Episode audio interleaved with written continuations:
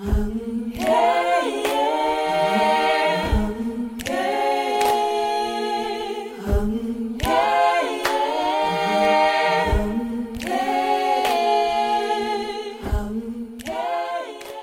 lytter til Kan Venus synge? En podcast om at være kvindelig musiker i den danske musikbranche. Og ikke mindst om musik. Det er et faktum, at kvindelige musikere ikke får lige så meget spilletid i radioen som deres mandlige kollegaer. At de ikke bliver streamet i lige så høj grad. At pladeselskaberne ikke satser lige så mange penge på dem. Og at de fleste spillesteder og festivalers programmer domineres af mænd. Men det er også et faktum, at der er masser af dygtige kvindelige musikere derude.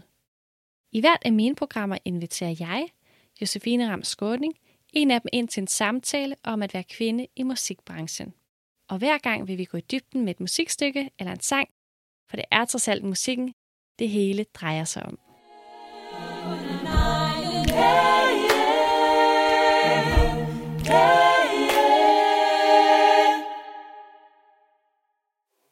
Velkommen til Cavino Synge. Det er med mig, Josefine Rams Skåning, og det her det er faktisk det sidste program i første sæson. Og jeg er så heldig at have dig med, Rikke Østergaard, Ja. eller Orio. Og du er sanger og sangskriver og producer. Yes. Har du ikke lyst til at fortælle lidt om dig selv og sådan din vej ind i musikken? Jo, det vil jeg gerne. Øhm, ja, det kan jo hurtigt blive en lang fortælling. Men øhm, lige nu kan man sige sådan, øh, at det jeg er i gang med, det jeg laver, er, at jeg er sådan lige på dørtærsklen til at udgive mit næste album, som jeg skal udgive i samarbejde med Was Entertainment, som jeg er meget glad for. Så det er ligesom det, jeg har brugt ja, de sidste to år er det vel efterhånden på. Og øhm, det glæder jeg mig helt vildt meget til at udgive. Det har jeg selvfølgelig selv produceret det hele og skrevet. Øhm, ja, og, og hvad er så min vej ind i musikken? Den er jo nok, at jeg er et af de der øh, mennesker, som har øh, haft musik i mit liv siden Altså så længe jeg kan huske, at jeg startede med at spille violin, da jeg var 6 år gammel. Og har været lidt rundt i alle mulige forskellige ting. Så spillede jeg lidt klaver, og så gik jeg til noget kor, og så sang jeg lidt. Og så startede vi et eller andet sådan øh, et folkeskole coverband-agtigt i slutningen af folkeskolen. Og så har jeg været på en musik efterskole og musik på gymnasiet. Og sådan. Det har ligesom fulgt mig hele vejen igennem og været på musikhøjskoler, så øh, jeg tror, jeg har været rundt i samtlige sådan, øh, musikinstitutioner i Danmark. Øh, har også været en tur forbi musikvidenskab i København og har gået på MGK. Og så blev jeg uddannet øh, sangskriver fra konservatoriet i 2015 bachelor, og nu skal jeg faktisk efter sommer øh, tilbage og have fået den der kandidat med mig også. Ja. Så det bliver lidt spændende sådan at komme tilbage på skolebænken og se, hvordan det er.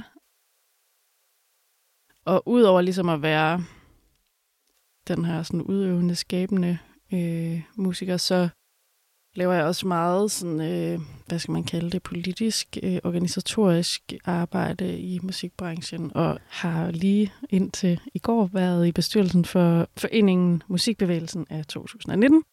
Øh, og jeg er også en del af det, der hedder Beats by Girls, som laver undervisning i elektronisk musik for kønsminoriteter, piger og kvinder.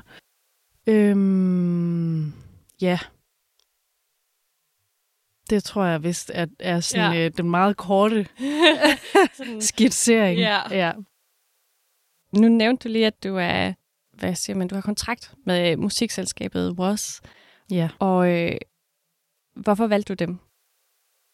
Øh, jamen, fordi at de ligesom både har nogle af de samme, sådan, hvad skal man sige, politiske overvejelser og visioner, som jeg har helt privat, og er meget eksplicit omkring det, som oplever jeg faktisk nærmest det eneste selskab i Danmark, der virkelig sådan profilerer sig på at have en form for politisk vision og og derudover så tror jeg også, at det er første gang, jeg sådan i dansk kontekst ser en, hvad skal man sige, øh, artistsamling under et mm. selskab, hvor jeg tænkt, det er mig, eller det kunne lige så godt være mig.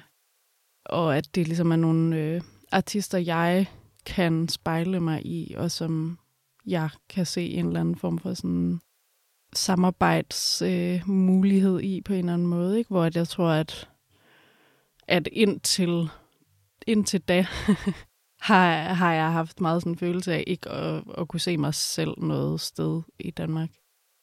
Så, så det har været meget sådan den helt klassiske følelse af at, at føle mig repræsenteret. Ja. Øhm, ja.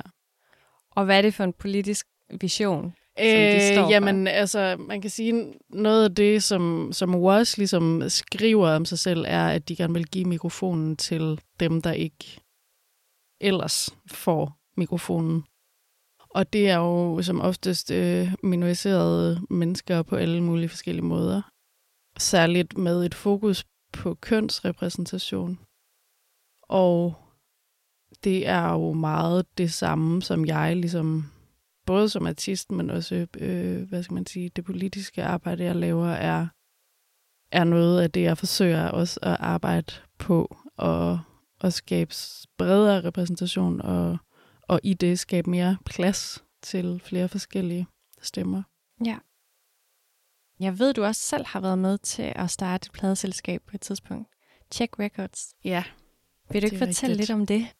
Jo, altså det, og det var jo netop, øh, hvad skal man sige, et eller andet sådan symptom på den følelse, jeg talte om før, om ikke at se mig selv noget sted, og ikke føle, at, at jeg fandtes noget sted i, øh, i musikbranchen. Og, og så var, var vi ligesom to på det tidspunkt, da vi startede Check Records, var det min kæreste, som begge to var på konservatoriet og frustreret over det her med at enten så skulle man ligesom ud og læfle for alle de her mennesker, som vi egentlig ikke var enige med, mm.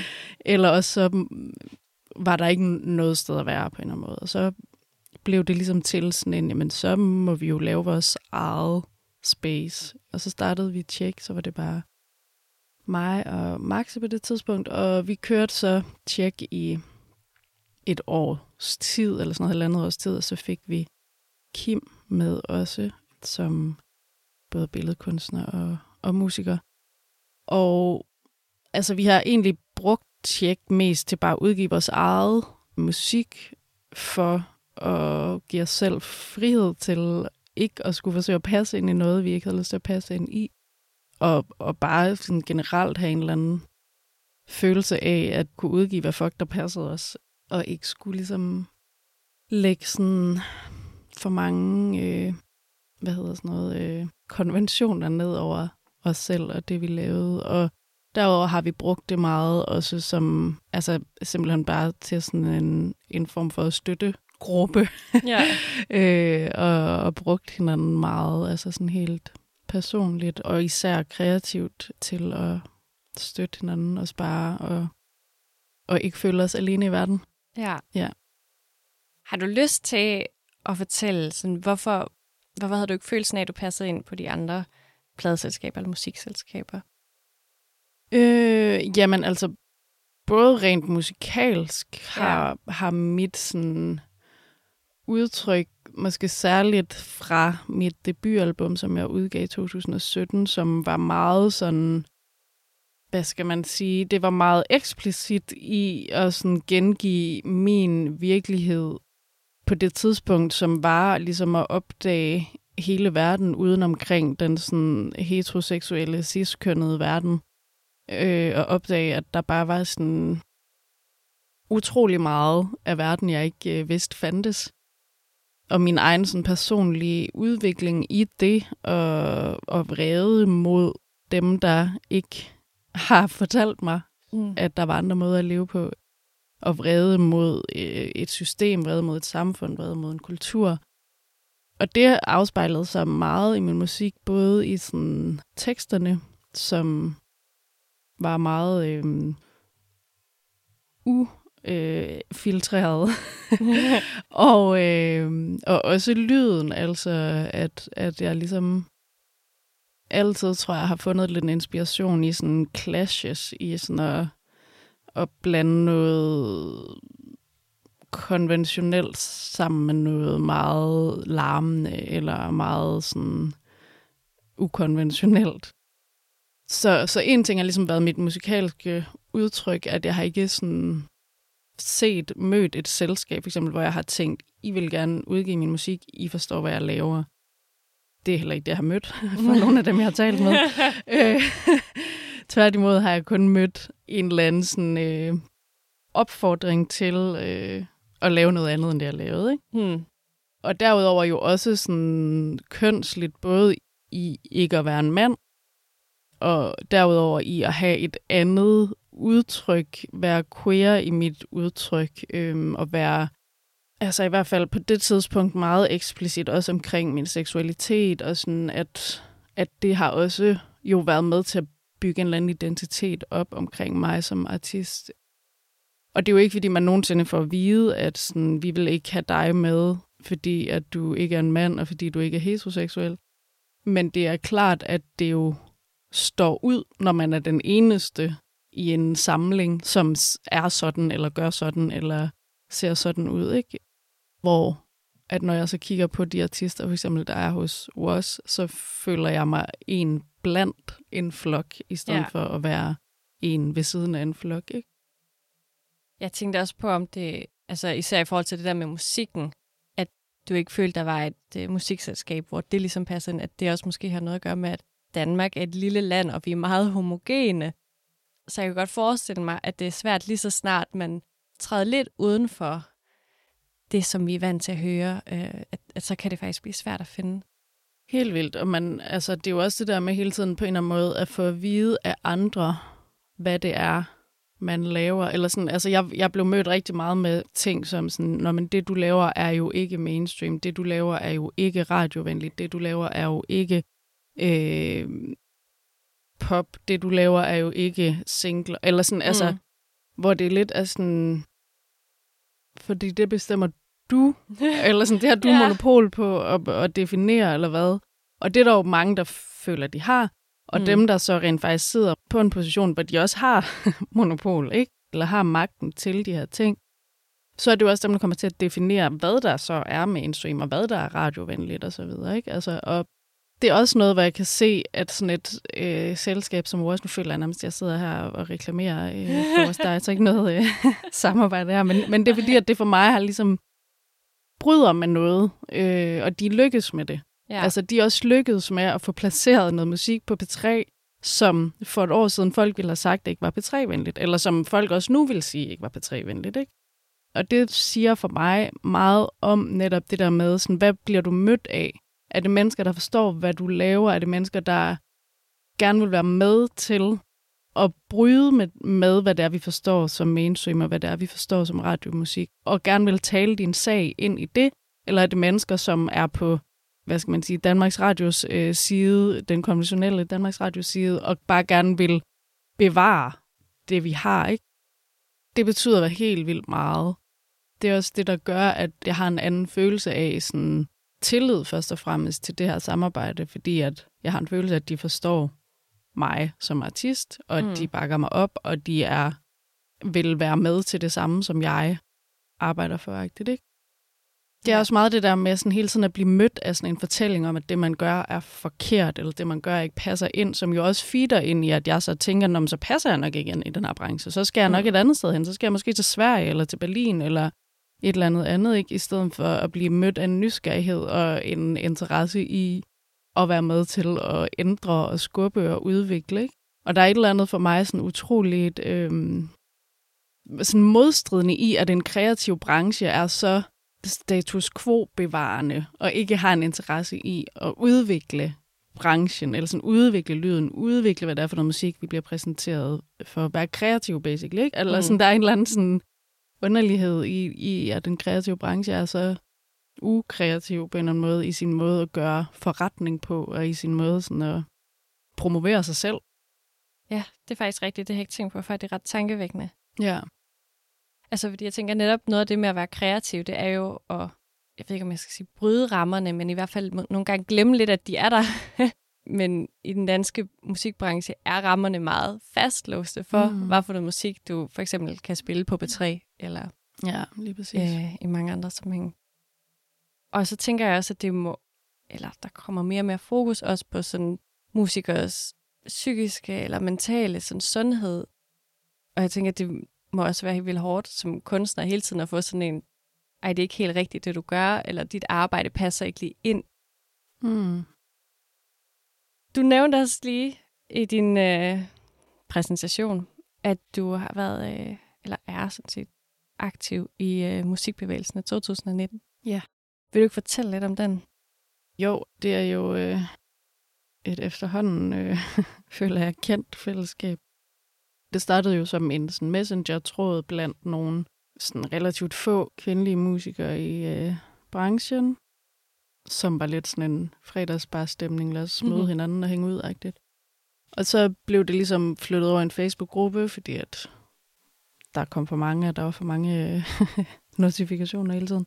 Og så er det ligesom bare vokset derfra. Den her Facebook-gruppe er blevet kæmpestor, der jeg tror, der var 2.000 medlemmer nu, og så for, hvad er det så, halvandet, lidt over halvandet år siden, var der ligesom nogen, der tog initiativ til at starte en forening, for at have mulighed for at kunne skrabe nogle penge sammen, og kunne måske lave et lidt mere sådan, hvad skal man sige, et organisatorisk øh, arbejde, rent politisk, eller sådan være med ind i nogle flere sådan, øh, politiske øh, systemer, og være med til at, at gøre noget på et lidt højere plan, end bare at, at netværke. Ikke at undervurdere det overhovedet. Jeg synes, det er altså nærmest den største værdi ved den der gruppe, er det, der foregår i Facebook-gruppen, øh, hvor foreningen mere har været sådan en eller anden form for sideinstans, der er med til at facilitere nogle ting på en måde. Ikke? Men den der Facebook-gruppe er en organisme i sig selv, og lever stadigvæk, og har jo levet i to år nu, ikke? og er, er utrolig aktiv.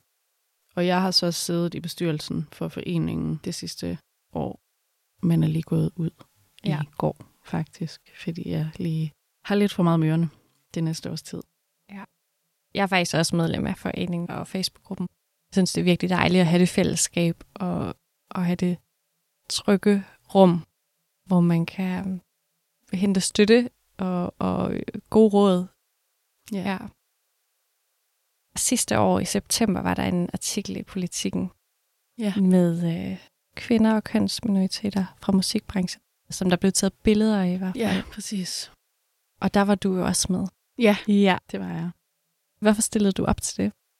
Øh, jamen, det gjorde jeg, fordi at fordi jeg synes, at det var vigtigt. Altså, jeg tror, at for mig er der, er der sådan en meget, på en eller anden måde, lidt sådan ambivalent øh, holdning omkring det her med sådan vidnesbyrd, personlige historier og sådan noget.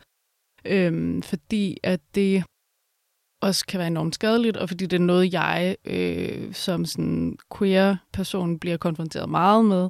Hele tiden at skulle fortælle sin personlige historie, hele tiden skulle sådan udlevere rigtig meget af mig selv, og det ændrer ikke noget for andre mennesker end mig, og måske det menneske, jeg taler med. Så kan jeg opnå en eller anden sympati hos et menneske, men der er ikke noget sådan strukturelt ændrende ved personlige historier.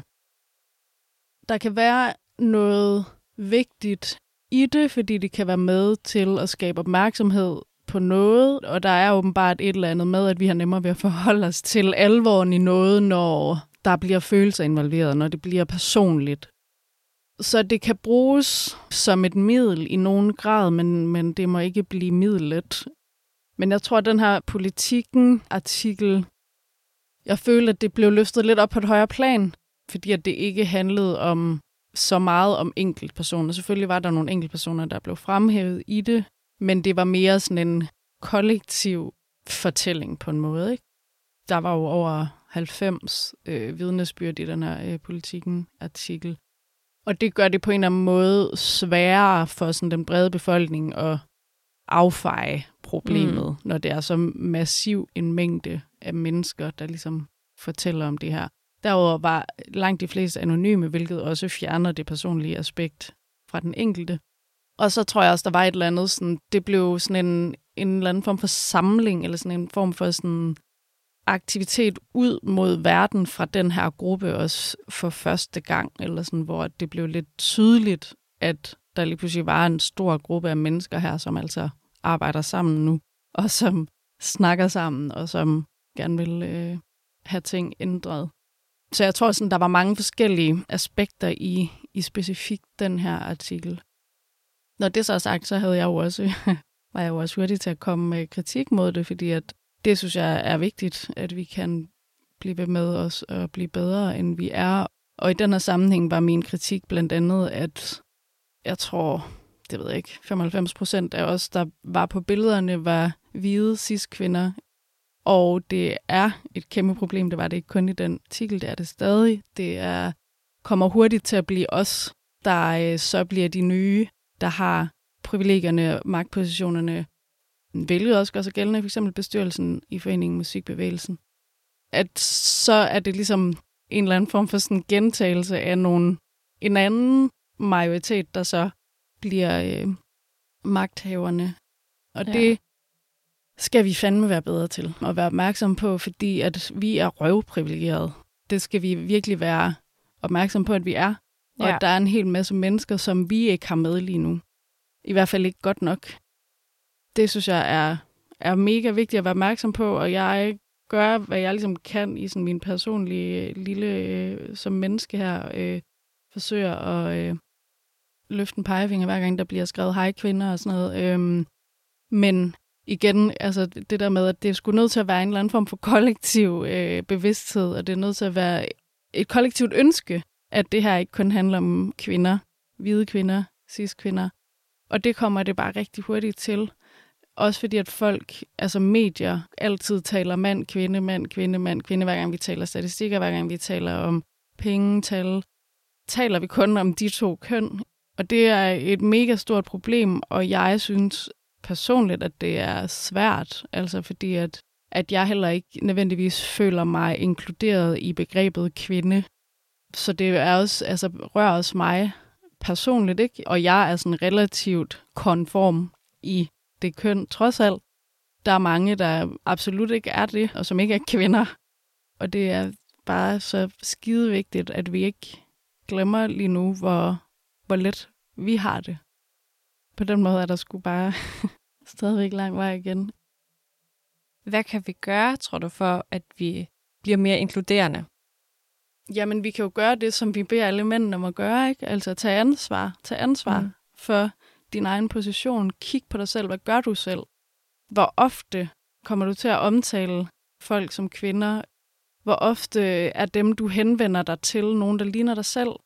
Hvor ofte bruger du de, eller sådan, er din egen bias på spil, ikke? Fordi at den er, det er den i, i mindst i så høj grad, som, øh, som den er det hos mændene. Og det kræver en indsats. Mm. altså, det kræver, at man gør det. Øh, fordi det der med at lave ændringer, det falder ikke bare ned på skrivebordet. Eller sådan, der kom, folk kommer ikke af sig selv. Man er nødt til at være meget mere aktiv, og man er nødt til at kigge på de rum, der bliver skabt. Altså at være bedre til at kritisere hinanden, og være bedre til at tage imod kritik, og være bedre til at ligesom kigge på en forsamling og sige, okay, venner, vi ligner fucking alle sammen hinanden her, hvorfor gør vi det? Hvad er det, der gør, at der ikke kommer nogen ind i det her rum, som ikke er hvide, eller som ikke er ciskønnet? Vi kommer nogle gange til at sidde lidt og vente, tror jeg, på, om de kommer nok af sig selv. Det er fint nok, det er ikke noget, vi gør. Men det er 100% sikkert noget, vi gør, som gør, at folk ikke er der. Ja, jeg sidder virkelig og spidser ører lige nu. Fordi jeg ved jo godt, jeg laver også en podcast, hvor jeg tror, i introen siger noget med kvindelige musikere. Og nu kan jeg ikke huske, hvordan jeg har skrevet det på Instagram, men sådan, at det i hvert fald tit er det, der bliver skrevet i forbindelse med den her podcast. Men i virkeligheden er det jo ikke det, jeg mener. Jeg mener jo også kønsminoriteter. Jeg har bare ikke fundet en måde, hvor jeg synes, det, og det er selvfølgelig en dårlig undskyldning, hvor jeg synes, det lød godt, når jeg formulerede det. Og det der med, når der tit skal stå nogle meget korte tekster, også for eksempel, da jeg fik lavet sådan nogle postkort med logoet, der skulle stå en ultrakort sådan beskrivelse af det mm. på bagsiden. Men det er helt klart noget, jeg tænker over, og ikke er færdig med at tænke over. Men det er godt for mig nogle gange også lige at blive mindet om, hvor vigtigt det er. Jamen, ja. det er vigtigt, og det er vigtigt, og det er vigtigt at insistere på, at det står der. Mm. Fordi hvis det ikke står der, så kan du være 100% sikker på, at der kun kommer kvinder Ja. Altså 100. Der kommer ikke til at være nogen som helst, som tænker, når det, der er der helt sikkert rigtig trygt for mig at være i det her rum, som eksplicit henvender sig til kvinder. Ja. De kommer ikke. Altså, så det er dødsens vigtigt, at det står der. Og det er dødsens vigtigt, at vi insisterer på, at det står der. Og det er også rigtig vigtigt, at vi nogle gange lader være med at centralisere kvinderne, men mm. starter med at sige transpersoner, i stedet mm. for altid at sige kvinder, transpersoner og non-binære. Kvinder, transpersoner og non-binære. Men sige, okay, det er det for transpersoner, non-binære og kvinder. Fordi at når vi bliver ved med altid at skrive kvinder først, mm. så er man som non-binær transperson en sekundær, og lidt en, der bare er hægtet på, fordi det skal vi jo gøre. Mm. Men sådan noget med at tage sådan nogle aktive beslutninger omkring, sådan, hvordan man i tale sætter ting også, og at virkelig vide, hvor vigtigt det er, at det står der ikke, altså, og hvor vigtigt det er for eksempel inde i Facebook-gruppen, at hver eneste gang, der er nogen, der skriver hej kvinder, hvor vigtigt det er, at det bliver i talesat, fordi hver eneste gang kan der være en, som ikke er kvinde, der melder sig ud af det fællesskab, mm. fordi at det er smertefuldt af helvedes til. Ja. Godt høre, der er nogle ting, jeg lige skal hjem og have omformuleret lidt. Men det er godt, det er godt at, at få åbnet sine øjne endnu mere. Jeg synes, vi skal gå hen og snakke lidt om musikken. Ja. Vil du måske prøve at beskrive, hvad er det for en slags musik, du laver? Hvis du kan det. Ja, det er jo altid det fede spørgsmål, ikke? øhm, ja. Nu har jeg jo lige fået lavet en ny pressetekst her, efter jeg har øh, lavet et nyt samarbejde, og øh, der tror jeg, der står noget i retningen af, at øh, Orios musik kan ikke defineres af genre, men defineres af energier. Hmm. Det føler jeg sgu egentlig er sådan meget rammende, fordi at jeg føler, at min musik er meget båret af ja. energier på alle mulige måder, eller sådan, altså det er meget humørpræget, alt efter hvad min energi er i den tid, eller hvad skal man sige, den periode, hvor jeg laver musikken. Øh, og det tænker jeg, at de fleste musik jo nok er, ikke? Men mm. jeg tror, at min musik øh, har en tendens til at stikke i flere retninger, end mange andres musik har. Nu, altså, nu sidder jeg bare og, og ævler og gætter lidt, ikke? For jeg har selvfølgelig ikke hørt al musik i verden. Men min musik stikker i hvert fald i mange retninger. Og særligt det nye øh, album, som kommer her øh, i slutningen af efteråret, er virkelig en sådan eksplosion af genre. Eller sådan, så der vil jeg ikke kunne, føler ikke, jeg kan putte en genre overhovedet ned over. Fælles for alt, hvad jeg laver, er jo, at, at jeg producerer det selv, og, og der er en høj grad af elektronik og mekanik i musikken. Men det er faktisk også noget, der sådan bliver brudt lidt her med mit nye musik, hvor jeg har flere forskellige sådan ægte instrumenter, skulle jeg til at kalde det, men, men det mener jeg på ingen måde. Øh, akustiske øh, instrumenter med. Men altså, øh, punk-agtigt pop, rap, pop, der larmer lidt. Ja. Super. Vi skal jo høre et eksempel på det lige om lidt. Vi skal snakke om sangen Shake Pussy. Ja. Jeg har glædet mig til at skulle snakke om den her sang. Jeg har troede aldrig, at jeg skulle sige pussy i noget, der ville blive udgivet offentligt. det kommer jeg nok til at sige nogle gange i dag. ja. Jamen, det er godt. Ja. Øh, men det er en single fra 2019, og man kan også finde den på deluxe-udgaven af albummet This is Orion Speaking. Lad os bare høre den nu. Yes.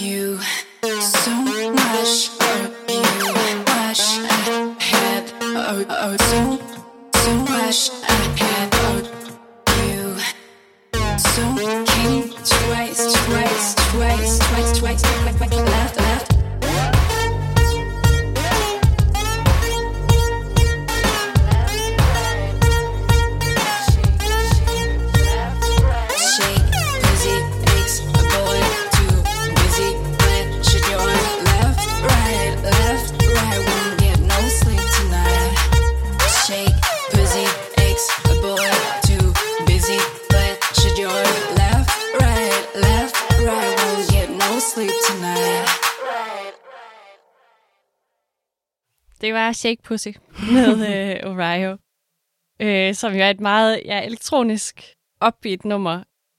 Vil du fortælle lidt om, hvordan sangen opstod? Ja, øhm, det går lidt langt tilbage, så jeg skal lige grave lidt. Men øh, Mm. så vidt jeg husker, så lavede jeg den her sang på en togtur mellem Aarhus og København sikkert. Eller jeg lavede ligesom tracket i hvert fald på toget. Jeg kan sgu ikke rigtig huske, hvad der kom først, om det var tracket eller om det var teksten. Men teksten er i hvert fald skrevet, øh, mens jeg var sådan lidt midt i, lidt på vej på den anden side af et øh, breakup, hvor altså vi stadigvæk boede sammen, men var gået fra hinanden, og mens jeg skrev den her tekst, var jeg meget sådan en ovenpå-agtig følelse, og havde det sådan nice, breakup nice-agtigt, Mm. ikke? Jeg føler, at det var meget sådan en sang, der er lidt sket uden så mange tanker på en eller anden måde, og beatet er jo øhm, meget øh, inspireret af både øh, Rihannas øh, Pon the Replay og øh, Beyoncé's øh, If you like it, then show the put a ring on it. Dunch, dunch, dunch, dunch, dunch-agtigt. Ja. Så det var på en eller anden måde meget sådan det der beat, der sådan bar produktionen. Og der er heller ikke ret mange elementer i produktionen. Altså det er Mhm. mm-hmm. basically beat og bass, og så den der øh, syndt tema-ting. Og så fik jeg en eller anden forespørgsel om at lave et nummer til en compilation med nogen, jeg sådan havde arbejdet lidt sammen med på et tidspunkt. Og så havde jeg den her tekst, jeg havde skrevet, og så sang jeg den bare ind, fordi at jeg tænkte sådan, det skal bare lige laves. Og så, ja, skete det ligesom bare lidt, og så passede det sammen, og så det var meget sådan vokal, jeg bare lige havde indspillet one take-agtigt, og da jeg indspillede den, fyldte den kun halvdelen af tracket, og så klippede jeg den op i nogle stykker for at få den til at fylde mere og sådan noget, ikke? Så det var lidt sådan en random, øh, meget øh, energibaseret på en eller anden måde øh, produktion, ja. Ja. Jeg synes, det er sjovt at høre om sådan den kreative proces, som kan være så forskellig fra sang Ja. til sang, og det bare netop kan være sådan lidt tilfældigt, hvordan det lige pludselig så passer sammen alligevel. Ja, Ja. præcis. Du har ret i, at der er ikke så mange forskellige elementer i den, men det komplementerer jo hinanden meget godt, fordi der netop er den her sådan dybe bas, og så synsen, som er ret lys, og så din stemme, der ligesom binder det sammen ind i midten. Så på den måde, så kan man sige, så er der alligevel et forholdsvis bredt sådan registerspektra med de her få elementer, Ja. som sang består af. Hvad handler sangen om? Jamen altså, den handler jo på en eller anden måde ikke rigtig om noget. Altså, den handler meget om at være i en helt specifik tilstand. På den måde var det også sådan en lidt atypisk sang for mig at lave på det tidspunkt, fordi at hele det album, der lå forud for den her single, handlede meget om alt på en eller anden måde. Ikke? Eller sådan, det var meget sådan tage stilling til hele verden øh, og have en mening om alt. Og den her var meget bare sådan, nå. Mm. Eller sådan, der måtte godt være nogle ord, der ikke gav mening. Altså jeg tror også, jeg lavede teksten. Jeg skrev en hel masse ting ned, og så slettede jeg en masse ord for at få teksten på en eller anden måde til at være mindre sådan sammenhængende, og mm. mere bare være ord og sådan øh, rytmer. Så, så der er sådan en eller anden, et bevidst valg om sådan at ville fjerne nogle mellemregninger på en eller anden måde, og ligesom bare servere nogle ord og nogle sådan nedslag i en måde at have det på. Altså, så den handler ligesom om at indtage den her følelse af at være ovenpå efter et breakup, og føle mig ahead of you-agtig, mm. og være lidt sådan fint. Det var fint-agtigt. Tak. øhm, ja, altså på en eller anden måde handler den ikke om andet end det. Mm. Og så, så var der ligesom nogle forskellige ord, der kom ud af nogle forskellige sådan, situationer. Jeg havde set sådan en, en video med, med nogle sådan, øh, en, der laver sådan noget urban øh, tan, tantrika, som er sådan noget med at, at øh, få en orgasme bare ved en vejrtrækning og sådan noget. Det er jo lidt sådan terapeutisk på en eller anden måde, ikke? Men, men så havde jeg ligesom siddet og set øh, den her video med, med hende og så øh, tre andre, der sådan stod ved siden af hinanden og, og øh, skulle sådan øve sig i at lave seksuelle bevægelser med sin krop, for ligesom også sådan at tale ind i sådan noget med frigørelse af, af kroppen i forhold til sex og sådan noget. Og så stod de ligesom også sådan svejede med hofterne, og så øh, hende, der ligesom leder det her, bliver ved med sådan yeah, shake that pussy, shake that pussy-agtigt. og så var jeg bare sådan, det er bare, det er bare en, en frase, man aldrig hører. Eller sådan. det er rigtigt. og så hang den ligesom bare fast i min hjerne, og sådan, jeg tror tit, så opstår sådan tekster for mig på den der måde, hvor der, sådan, eller sådan, der kommer en eller anden sætning, hvor jeg tænker sådan, ja, det er et omkvæd. Eller sådan, ej, altså den der, ja. der er et eller andet catch over det her, eller sådan, det er sjovt at lege med, det er et sjovt billede. Så det var ligesom også en del af det. Ja. Ja. Men det er sjovt i hvert fald, at du siger det her med ovenpå, fordi det er netop altså lige præcis det ord, jeg også har tænkt på, når jeg lyttede til vokalen. Jeg tænkte, så det, det lyder som om, der bare virkelig er ovenpå. Ja. Noget af det, jeg har lagt mærke til ved sangen, når jeg sådan lyttede den igennem flere gange, det var trommerne, det her elektroniske trommebeat, som jeg synes er helt vildt fedt, fordi at det er selvfølgelig altså en form for drivkraft i musikken, men fordi det er så levende og organisk på en eller anden måde, og det skifter meget. Altså, der er meget variation i trommerne, både klangligt og i forhold til den rytme, den spiller. Og trommerne blev på en eller anden måde meget altså, kropslige fra mig. Jeg kan virkelig godt forestille mig en krop spille den, på trods af, at det er lavet på en computer. Ja. Det synes jeg bare virkelig var fedt, fordi de var så lejende. Og så synes jeg, det bliver en ret stor kontrast til din vokal, som i modsætning til de her trommer er sådan lidt mere robotagtig. Mm. Og meget, I er lidt monoton egentlig. Det er meget få toner, du synger på. Der er nogle fraser, som nærmest bare er én tone. Så det bliver nærmest nogle gange mere rytmisk tale mm. på toner end egentlig sådan sang. Jeg indspillede den uden at have nogen melodi da jeg indspillede den, var den endnu mere taleagtig, ikke? men så satte jeg autotune på bagefter, mm. og så fandt den jo lige på sådan nogle toner i øh, og rettet ind. Så det var ja. ligesom på en eller anden måde min autotune, der sådan skabt melodien i den. Ja. Vil du lige forklare måske, hvad autotune er? Ja, autotune er sådan en, øh, et plug-in hedder det jo, men det er ligesom sådan en effekt, man mm-hmm. kan sætte på, som så går ind og koder tonen i, det kan både være instrument og, og vokal, og læser, hvilken frekvens den regner med, man gerne ville have ramt, og hvis man så ikke rammer den 100%, så kan den ligesom justere. Det er den, der laver den her sådan lidt robotagtige, meget moderne effekt, øhm, og som jo for 10 år siden var fuldstændig sådan, øh, altså, jeg kan huske, de X-Factor snakkede om, første gang, der var nogen, der brugte autotune live på scenen, at det var nærmest en skandale, ikke? Fordi at, så kunne man fandme ikke, øh, man kunne fandme ikke stå i et sangprogram og bruge øh, autotune. Så, så det er ligesom en ting, der er gået fra at være meget sådan udskammet til at blive ekstremt moderne. Altså, og vi, vi kender det jo også tilbage fra Cher, har jo virkelig været en sådan en tidlig, øh, hvad hedder sådan noget, en øh, frontløber ja. på, øh, på autotune. Kanye West har brugt det rigtig meget også jo. Øhm, og så i Danmark har vi jo virkelig fået det, fået det fuldstændig eksploderet ud i radioen med, hvad hedder de nu, Sivas og Gilly og ja. alle de der urban boys. Det er rigtigt. Så hvis vi går tilbage, øh, hvis vi går ind og kigger på den vokal igen, ja, så er det jo selvfølgelig netop også autotune, som gør den sådan lidt robotagtig og maskinel. Mm. Og det bliver netop fordi der ikke sådan er så meget melo- eller rigtig er melodi, så bliver det meget rytmen, der ligesom bærer vokalpræstationen. Ja. Og på en eller anden måde også gør det øh, følelsesforladt, Mm. synes jeg faktisk. ja, helt klart. øh, som måske også taler lidt ind i det der med at være ovenpå, at man er ikke sådan nede og rumsterer i alle mulige følelser, og hvordan har jeg det? Det er bare sådan, det kører bare. Mm. Og så synes jeg, at det du har fortalt med, øh, ja faktisk, hvordan du lavede sangen, giver helt vildt god mening i forhold til, hvis man kigger på form, fordi der er jo ikke nogen sådan klassisk form. Der er ikke sådan noget, hvor jeg tænker, ej, det er et klart omkvæd, det er et klart vers. Der er ligesom bare den her synd, som ligesom laver en intro, og så går det bare i gang, og så kommer der sådan nogle forskellige dele, lidt som sådan perler på en snor. Mm. Og mange delene bliver gentaget lidt på en eller anden måde, og det er meget ordene også, der definerer, Mm. hvilken del er vi lige i nu. Men det ved jeg ikke, er form noget, du tænker over, når du producerer eller skriver sange? Øh, ja, bestemt. Altså nogle gange mere end andre selvfølgelig, og, og form er også noget, jeg tænker over på den måde, at, at jeg synes, at det er sjovt at bryde former, eller gøre noget andet end det, der forventes på en eller anden måde.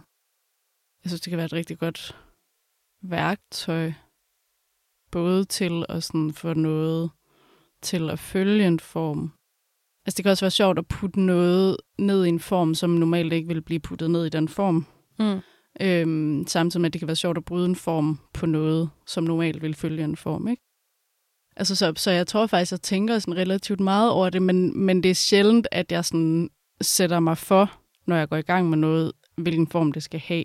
Mm. Det er tit noget, der ligesom udvikler sig øhm, hen ad vejen. Jeg har det sjældent sådan, hov, nu har jeg et A og et B-stykke, så skal jeg også lige huske at lave et C-stykke. Eller sådan. Altså, på den måde er jeg ikke sådan særlig øh, bevidst forud, i hvert fald. Det er mere sådan noget, jeg måske hiver ind som et eller andet værktøj, når jeg enten er måske gået lidt i stå, eller har brug for sådan at ja, skabe en anden form, have en eller anden fornemmelse af, sådan, hvad, hvordan skal det her nummer ligesom udvikle sig, hvad har jeg brug for at tilføje, eller sådan, så bruger jeg det måske som et redskab på den måde. Ja. Mm. Jeg synes i hvert fald i den her sang, at formen, altså delene bliver meget ligeværdige. Og noget af det, jeg så tænker, er med til at skabe variation. Det er mere så den måde, nogle af instrumenterne eller elementerne bliver taget ud og så sat ind igen. Det føles lidt som om det hele kommer ud i en lang køre, men på trods af, at stemmen eller vokalen er sådan lidt monoton, og der ikke er de der klassiske, når nu ved jeg, nu kommer jeg til omkvædet, nu ved jeg, jeg kommer til kontraststykket, så er der alligevel så meget variation af det, i det med sådan trommerne, og netop med de her elementer, der, der tages ud og kommer ind igen, at det ligesom bliver det, der gør, at, øh, altså, at det bliver aldrig kedeligt at høre på, og det måske er nogle lidt mere sådan subtile variationer, der er i sang, som man ikke nødvendigvis, medmindre man lytter koncentreret, sådan tænker så meget over. Giver det mening? Mm. ja, klart. Altså, det er jo bare lidt sådan et tog, der bare kører, ikke? Der er helt klart også for mig tydeligt sådan en relation til øh, den måde, som hiphoppen bruger temaer på, for eksempel. At sådan det der med, at temaet får lov til at ligge hele vejen igennem en sang, ikke? Og så skifter det måske oktav, eller bliver filtreret lidt ned i frekvens, eller et eller andet, ikke? Men at sådan, man har den der sådan, ro i, at det sådan ligger hele vejen igennem, og så hver gang det sådan popper ud og får lov til at stå alene, så, så bliver det på en eller anden måde øh, substitut for, for omkvædet, eller det bliver omkvædet, eller sådan, det bliver det tilbagevendende, det bliver det, man sådan holder fast i, det man husker, det man har lyst til at synge med på, på en eller anden måde, ikke? Og det kan jeg ikke huske, om det som sådan er bevidst, det kunne det sagtens være. Men, men jeg tror helt klart, at altså, det her er et virkelig godt eksempel på, hvordan en sang kan laves ud af fire takter. Sådan, jeg har lavet øh, fire takter speed, jeg har lavet det der tema, jeg har øh, lavet en bass, og så har jeg sikkert kopieret hele lortet ud, så det har taget cirka tre minutter, og så har jeg siddet og taget noget ud og ind og lavet nogle små variationer rundt omkring. Ikke? Øhm, og bare sådan en, Der er en ret sådan gennemgående variation, som er en ret simpel variation, som bare er at flytte klappet fra at ligge på offbeat til at ligge på beat, der gør, at sådan, det føles som om, at beatet ændrer sig. Mm. Fordi det får en helt anden, eller tyngden ligger på en helt anden måde. Og det var egentlig noget, der skete ved en fejl, kan jeg huske, fordi at jeg kom til at, der skulle uh, kopiere mit klap fra et sted til et andet, så kom jeg til at lægge det forkert. Og så øh, var det bare mega fedt. Ja. Det er også meget sådan, jeg føler et meget godt billede på, hvordan øh, jeg producerer tit, at sådan, jeg hylder fejl, eller sådan, jeg kan virkelig godt lide, når ting opstår tilfældigt. Det føler jeg på en eller anden måde, eller sådan, det, det føler jeg virkelig er en, en ret øh, stærk variation, og ret mm. vildt, at der ikke skal mere til nogle gange. Ikke? Det der med, at man bare lige kan skubbe noget en, en halv takt, eller man lige hiver et instrument ud, eller sådan kan bare være med til at skabe så meget dynamik.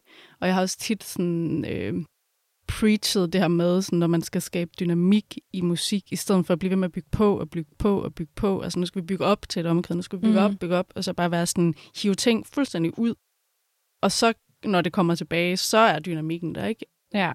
Det er sådan en måde, jeg synes er mega sjov at lege med dynamik på. Ja. Hvis, øh, hvis vi kigger lidt på teksten, så har vi jo to personer. Vi har i hvert fald en, der taler, og så en udenforstående på en eller anden måde, som der bliver talt til, eller en, som i hvert fald ikke sådan direkte er med. Og der bliver skubbet lidt til nogle grænser sådan for altså seksualitet og mm. køn, og nu ved jeg ikke, om det er helt forkert at sætte køn på. men, men, jeg hører din stemme, og den vil jo ofte blive opfattet som en kvindestemme. Mm. Og vi er jo ikke vant til, at kvinder, eller i hvert fald ikke cis men taler så højt, kan man sige, om deres seksualitet. Nej. Slet ikke offentligt. Nej. Altså. Altså, jeg tror, at hmm, jeg har, jeg har øh, på et tidspunkt i arbejdet med min, min første plade, tror jeg, at, at jeg havde, havde lyst til sådan at tale meget om sex, eller sådan behandle sex, både for min egen skyld, og fordi at det også var på et tidspunkt i mit liv, hvor min seksualitet lige pludselig blev meget tydelig. Så, så min seksualitet var lige pludselig alle mulige andres at forholde sig til. Og det er jo ikke nice, og sådan skal det jo ikke være. Mm-mm. Øhm, så jeg tror på en eller anden måde har det nok også været en del af det for mig, altså sådan et redskab til at, at tage kontrollen over det. At selv ligesom være den, der er sådan, ja, nu skal I fucking høre om min seksualitet. Mm. Og så bestemmer jeg, hvad jeg vil sige, og hvad jeg ikke vil sige. Fordi at der ligesom hurtigt opstår en virkelig sådan ulige magtbalance i det der med at være minoritet i forhold til seksualitet, og majoritet i forhold til seksualitet, at der er sådan en, en ret, føler majoriteten mm. til at spørge om alt muligt, og vil vide alt muligt. Ikke? Og derudover blev det jo lige pludselig sådan en ting, fordi at det ændrede sig i mit liv på det tidspunkt, som rigtig mange mennesker forholdt sig til, og havde følelser omkring, og havde meninger omkring, og sådan noget. Ikke? Altså, så, så det var sådan en ting, der bare på en eller anden måde blev taget lidt fra mig, eller sådan, det var, jeg kunne lige pludselig ikke rigtig have det for mig selv længere. Derudover så har jeg egentlig altid været ret sådan interesseret i og haft lyst til at være meget sådan talende om sex, og det tror jeg er en sådan reaktion på, at det har været noget, som aldrig er blevet talt om i min opvækst og sådan noget, ikke? Det har været en ting, der har egentlig har, har været i min ungdom, altid et eller andet behov for at tale om sex, og sådan smadre den her på en eller anden måde glasklokke, der var puttet ned om det, ikke? Og så, så tror jeg bare, at det blev forstærket af sådan, at det lige pludselig blev altså sådan en ting, som alle mulige mennesker lige pludselig begyndte at forholde sig til. Så havde jeg et endnu større behov for sådan at tage kontrol over, over det. Men jeg synes også, at det er fedt at snakke om. Og jeg synes, sex er fucking svært. Altså, der er så mange ting forbundet til sex, og der er så mange forventninger, der er så mange sådan idéer om sex, der er så mange altså, forestillinger om, hvor meget sex man skal have, hvem man skal have sex med, hvordan man skal have sex. Øh.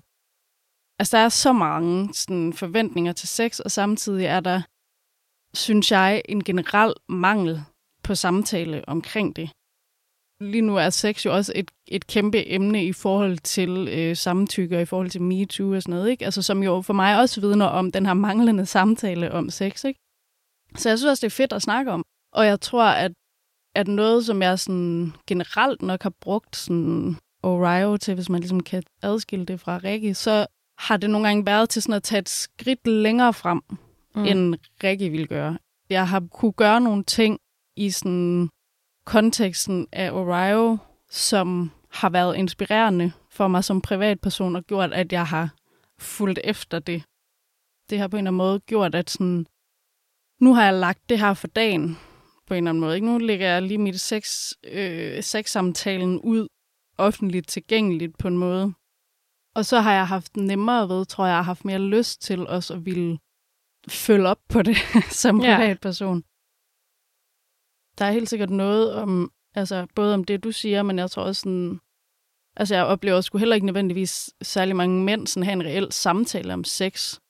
Mm-mm. Jeg tænker, at mænd måske er, føler mere ret til at sådan, eller er mere vant til at sådan, øh, jeg føler det mere som sådan en klistermærke på en eller anden måde. At kunne sige øh, øh, knøb og kunne sige øh, onanere, og altså sådan have ret til at bruge nogle ord, eller sådan føle ret til at bruge nogle ord, som, som vi måske ikke føler samme ret til at bruge. Og helt klart er der jo nogle sådan strukturelle forskelle i, for eksempel sådan noget der med onani og sex med sig selv og sådan noget, ikke, som sådan historisk har været mere øh, almindeligt, at mænd talte om og gjorde, end øh, alle mulige andre køn, ikke? Men jeg, jeg oplever lige så mange mænd mangle redskaber til at have en reel samtale om sex, om hvordan man har sex, og hvad der er godt og skidt og ligegyldigt og fedt og ikke fedt, og hvordan og hvorfor, og sådan, altså, som, som alle mulige andre køn. Men der er helt klart den anden sådan, entitlement på seksualitet i det hele taget, også fordi mm. det jo bliver fodret af det her med, at mænd har en større sexlyst og testosteron, og, øh, og skal bare ud og spread their seed og sådan noget. Altså, der er også noget i det der, der bliver fodret rent sådan strukturelt, ikke? som også gør, tænker jeg, at der er en større sådan entitlement til at sådan påtage sig den her sådan vilde seksualitet på en eller anden måde, mm. ikke? som ikke gør sig gældende for, for andre køn, tror jeg. det tror jeg, du har ret i. Jeg tror også, du har ret i det der med, at det ikke er nødvendigvis en reel samtale, men har lidt at være at have, men det er noget, der ligesom bliver klistret på en bestemt mandekultur eller mandetype. Mm. Jeg tænker, udover øh, altså, hvad kan man sige, de bagtanker og alt det, der ligger i, i den her sang, så er funktionen af sangen vel også meget, altså det er noget, man kan danse til og mm. man kan høre på, eller jeg kan forestille mig på klubber og sådan noget. Er det noget, du tænker over, når du komponerer og producerer? Meget. Det er nok noget af det, jeg sådan tænker mest over, når jeg laver musik. Jeg har jo øh, efterhånden sådan en, øh, igen øh, i sådan øh, presseøje med en sætning, der har fulgt mig i nogle år efterhånden, som er, at jeg arbejder for at lave musik, der får folk til at bevæge sig både fysisk og mentalt. Og det tror jeg på en eller anden måde lidt er sådan kernen for mig, eller sådan, fordi det er det, der rocker min egen verden. Det der, jeg, jeg sådan får optur over min egen musik, det er, når jeg har lyst til at bevæge mig til det. Og det tror jeg kommer sig af, at jeg både godt kan lide at bevæge mig, men også at, sådan, øh, at dans på en eller anden måde har været også en rigtig stor del af, af mit liv, og som jeg ligesom når jeg kigger på det nu, tænker, at, at dansen på en eller anden måde har været sådan min indgang til at lave den type musik, jeg laver nu. Jeg dansede meget sådan noget øh, hip-hop. Så, så hip-hop-agtigt, som noget kan blive, når det er en sådan flok hvide øh, mennesker, der, øh, der prøver øh, det. Men sådan, den sådan, type af dans, og jo derfor også har hørt meget den type musik, og, og det er det, min krop på en eller anden måde har lært at forholde sig til. Så det tænker jeg både ligesom en forklaring på, hvorfor det er den type musik, der gør, at jeg har lyst til at bevæge mig tit, og den musik, der sådan tænder mig også øh, sådan inspirationsmæssigt. Men det er ligesom også det på en eller anden måde, der sådan er blevet mit barometer, tror jeg, for hvornår jeg sådan føler, okay, nu rammer vi et eller andet, der kan noget, der skal videre, eller sådan. Det er ligesom den der følelse, jeg har lyst til bevæge mig, kunne forestille mig, at andre mennesker bevæge sig til det, stå på en scene med det, eller sådan. Altså den der bevægelse er en virkelig sådan en kæmpe faktor for mig. Jeg tror, vi skal til at slutte af. Ja. Jeg vil bare lige til sidst nævne, at øh, der er jo også lavet en musikvideo til den her, og jeg synes, det er meget sjovt, at man øh, ser katte, der bliver rystet. Så man kan sige, at Shake Pussy får en, en øh, meget bogstavelig betydning Ja. i musikvideoen, og udover det, så er den, så er den meget nice, så jeg synes, folk skal gå ind og se den. Har du noget at tilføje ellers her til sidst? Nej, det tror jeg sgu ikke. Altså, øhm, jeg synes da også, folk skal gå ind og se musikvideoen. Jeg synes, det er en ret øh, vild musikvideo, faktisk. Eller det var i hvert fald en musikvideo, der sådan, hvor jeg selv de første gange, jeg så den, virkelig fik sådan en fysisk reaktion på den, fordi at, ja, den fucker lidt med, med hjernen. Ja, det gør den. Vil du, vil du afsløre, hvad man ser ud over katte, eller skal folk selv have lov at gå ind og finde det? Det ville være en cliffhanger, synes jeg. Ja, så lad os gøre det. Så man kan sige, der er en, der er en øh, øh, tydelig reference til en øh, suspekt musikvideo. Der Ja, og det kan man så gå ind og undersøge. Hvis man gerne vil følge dig, Ja. hvor kan man gøre det? Jamen, det kan man jo selvfølgelig gøre på Instagram og på Facebook, Spotify, Under Orion. Orio, O-R-I-O-H. Og på Instagram hedder jeg O slash Rio, altså slash skrevet ud. Så burde man kunne finde dig. Yes. Rikke Østergaard eller Orion. Tak fordi du har været med i dag. Selv tak. Det har været mega fedt at tale med dig. Det synes jeg også. Det var godt. Det her det var afslutningen af første sæson af kan Venus synge. Og tusind tak til alle jer, der har lyttet med. Det betyder virkelig meget for mig. Og jeg er virkelig glad for den varme modtagelse, podcasten har fået. Nu går jeg på sommerferie, men der er en masse i støbeskeen i forbindelse med Kan Venus synge. Så hæng endelig på og øh, hold øje med Instagram og Facebook til august og efteråret, når anden sæson starter op, og alt muligt andet også kommer til at ske. Så jeg vil sige en kæmpe tak også til de syv gæster, jeg har haft inde her i programmet. Det drejer sig om Gry Kolding Ebbesen, også kendt som Moonbee, Mette Dahl Christensen fra Hukel Bambi, Emily Holm Nyhus fra Reveal Party, Charlotte Rowan, Marie Kolke Højlund med kunstnernavnet KH Marie, Cindy Schiss og i dag Rikke Østergaard eller Orio. Og jeg synes, at hver eneste samtale har været mega spændende, og jeg har fået sat nye perspektiver både på musikken og kønsdebatten i musikbranchen, så det har bare været virkelig lærerigt for mig.